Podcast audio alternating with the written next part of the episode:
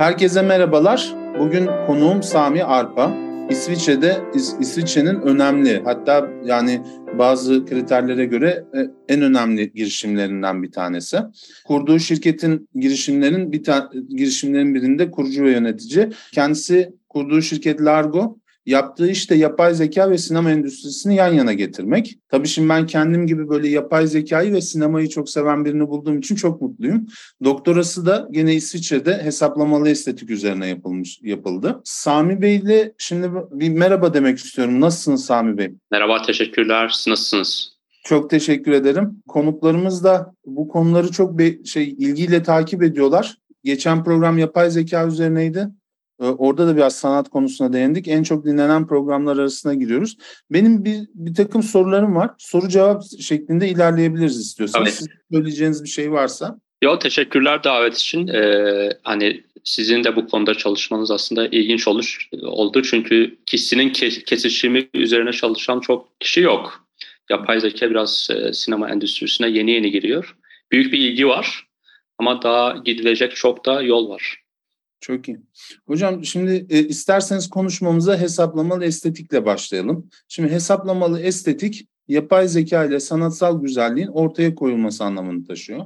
Siz hesaplamalı estetiği nasıl tanımlıyorsunuz? Hesaplamalı estetik aslında ben biraz e, çerçeveyi genişletebilirim. Hani yapay zekanın da biraz ötesine gidebilirim. Çünkü şey hesaplamalı estetiğin iki yönü var bence. Birincisi şey sanatı anlamak. Hani bunu matematiğe dökmek. Bu, bu kısmı için çok daha aslında yapay zeka olmadan da e, birçok şey yapılabilir. Hatta bu kısım ta Rönesanslardan başlıyor diyebiliriz. Sanatı biraz daha mühendisliğe dökme işi. İşte ressamlarda Da Vinci, Michelangelo gibi sanatçılara baktığımız zaman işte ışığı anlayıp e, kam, bir sahneye kamera gibi bakmayı anlayıp onu işte e, tuvale dökme, bunu, bunu mühendislik haline getirmişler.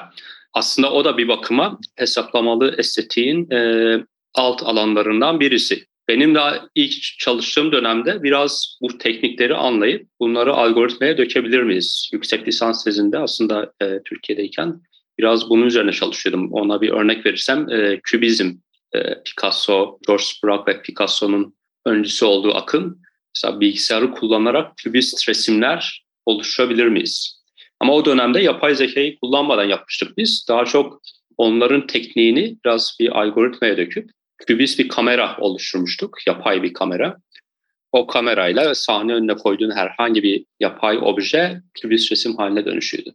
Bu kısım daha çok şey hani sanatı biraz matematiğe döküp, mühendisliğe döküp onu bir algoritma haline getirmek.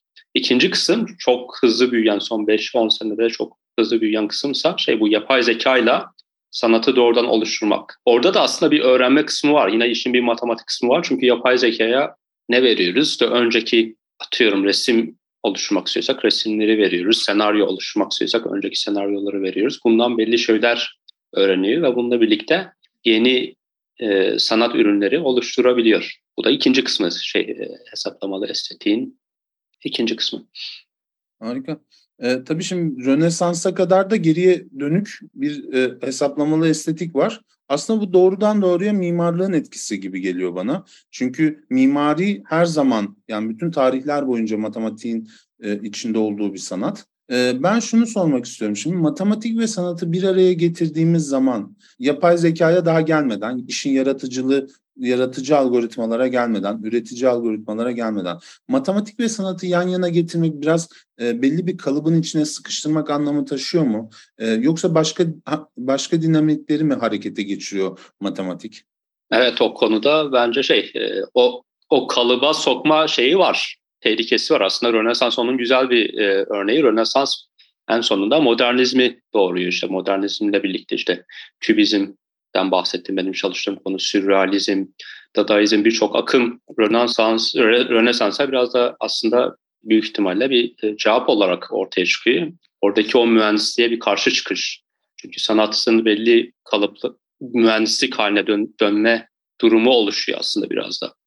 Yani matematiğe dökme noktasında her zaman böyle bir e, tehlike var ama ben hep şey ona şey örneğini veriyorum. Biraz sürrealizm, hani resim yine resim üzerinden gidersek sürrealizm de modernizm döneminde çıkmış bir akım. O hala belli bir mühendislik kullanıp çok yaratıcı işler ortaya e, çıkaran bir akım.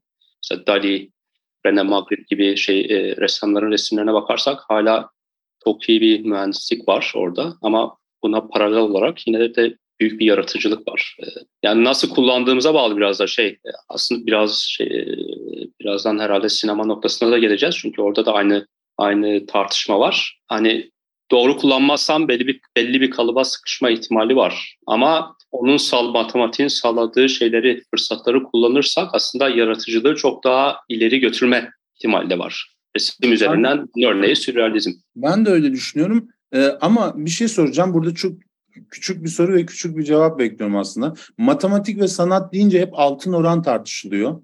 Şimdi biz mesela fotoğraf fotoğraf eğitimine başlandığında zaten altın oran bir öğretilir herkese tamam mı? Yani e, çerçeve, nasıl çerçeveleneceği noktasında hiçbir şey, hiçbir kuşku yoktur. Sizde de böyle, sizce de böyle bir altın oran gibi bir şey var mı? En azından resimde.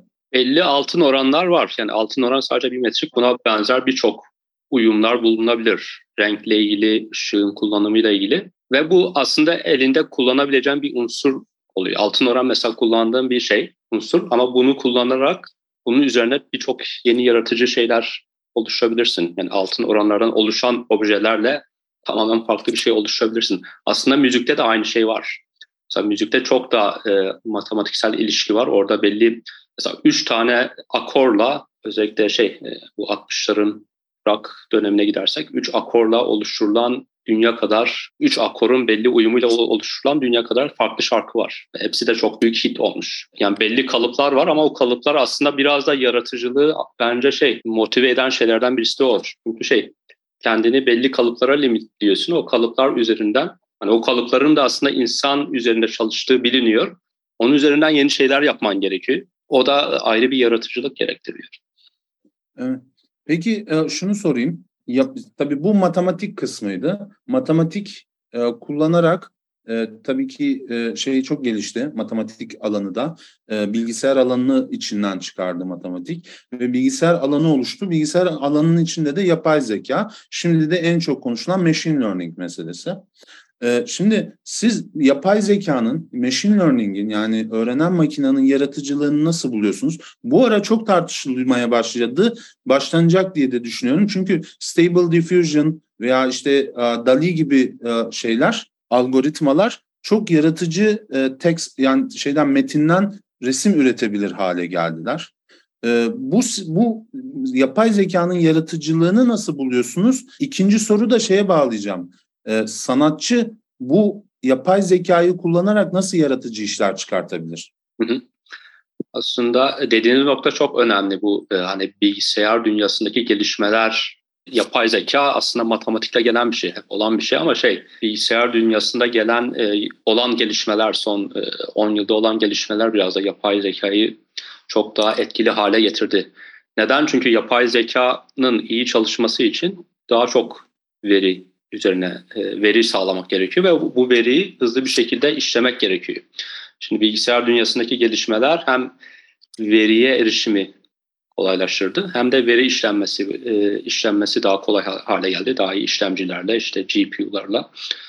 İşte aslında işte sanat işin sanat kısmı da biraz e, ona bağlı. Çünkü hani bir 5 yıl öncesinde e, bu DALI örneğini verdiniz. Mesela 5 yıl öncesinde hani DALI seviyesinde e, bir üretim yapmak, o kalitede bir üretim yapmak pek mümkün olmayabilirdi. Yine bu iki noktadan dolayı şu anda mesela 5 yıl öncesine göre çok çok daha iyi GPU'lar var. Çok daha büyük dataları, e, verileri çok hızlı şekilde işleyebiliyoruz. O makinenin onları öğrenmesini sağlayabiliyoruz. o noktada e, ve gidilecek daha da yol var. E, hani çok daha fazlası öğrenilebilir. Bence bir 5 yıl sonra çok çok daha farklı şeyler göreceğiz.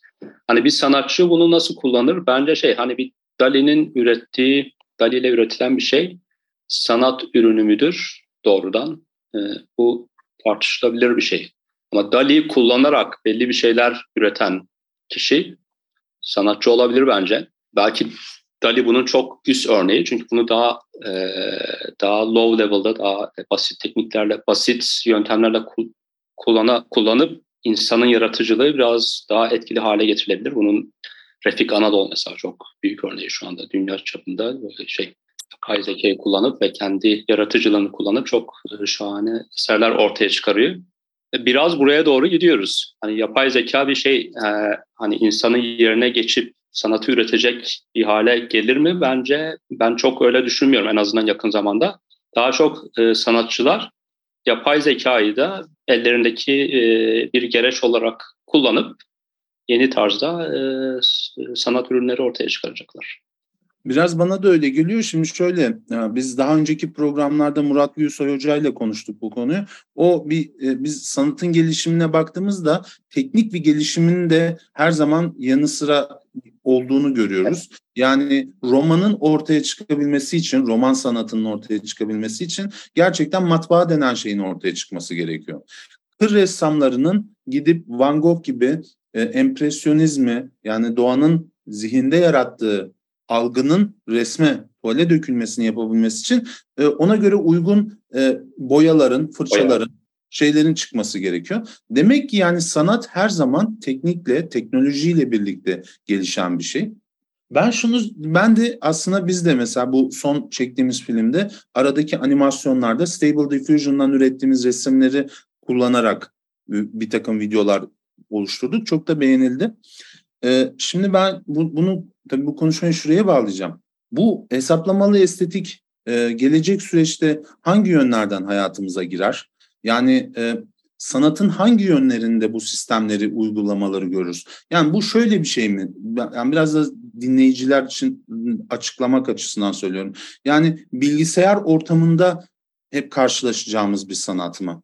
Ee, yani işte e, arka planları belki üretiyor olabilir resim olarak ama biz normal fiziksel dünyada da e, bunun etkilerini görebilecek miyiz? Ee, evet biraz aslında şey kısmı hani işi e, biraz daraltan kısım şey bilgisayar ekranında göreceksek belli limitleri olacaktır. Hani bu yapay zeka destekli sanat e, olayının. Ama ben çok hani bilgisayar ekranına sıkışması gerektiğini düşünmüyorum. Çünkü hani yapay zeka destekli oluşturulan bir resim print edilir.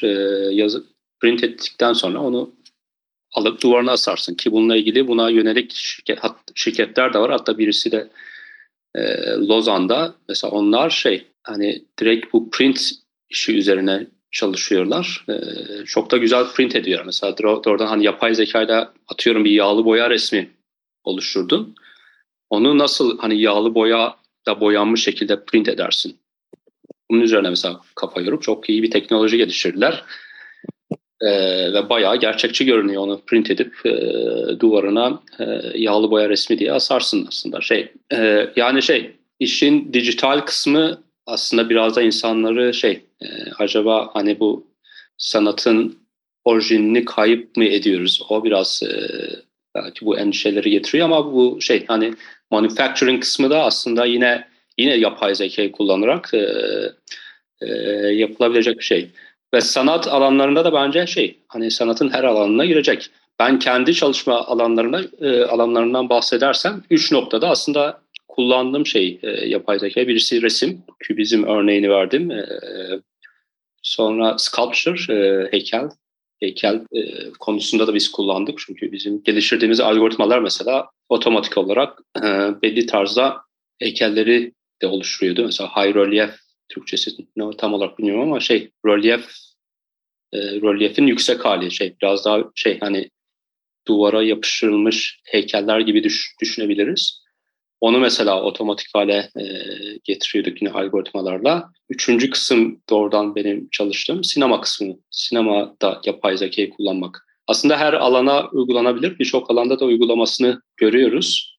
O yüzden hani bir 5 sene daha beklemek gerekiyor. Yani çok net e, uygulamalarının uygulamaların görünmesi için. Şimdi buraya tabii geleceğiz. E, e, nerede geleceğiz? Yapay zeka ve sanat üzerine girişimler neler kısmında geleceğiz. Ama benim bu burayı biraz daha açmak istiyorum. Şimdi hocam yani müziği sormak istiyorum. Müzikte mesela caz gibi kalıplara sığmayan müzik türleri var. Müzikte üretim yani yapay zekanın müzik üretimi nasıl? Evet o aslında doğru bir nokta. Cazda daha çok improvize ediliyor birçok e, sanatçı improvizasyon yapıyor. Yapay zeka da ana nokta biraz geçmişten öğrenip o geçmişten bir şeyler oluşturmak. ana şey e, bu değil mi? Şey, yapay zeka ile yapabileceğimiz şeyler noktasında düşündüğümüz zaman herkesin ilk olarak düşündüğü nokta bu. Ama yapay zeka da aslında improvize ede- edebilir. Yapay zeka dediğimiz şey çok basit anlamda aslında insan beyninin bir şeyi, replikası ama çok basit anlamda o, o seviyede.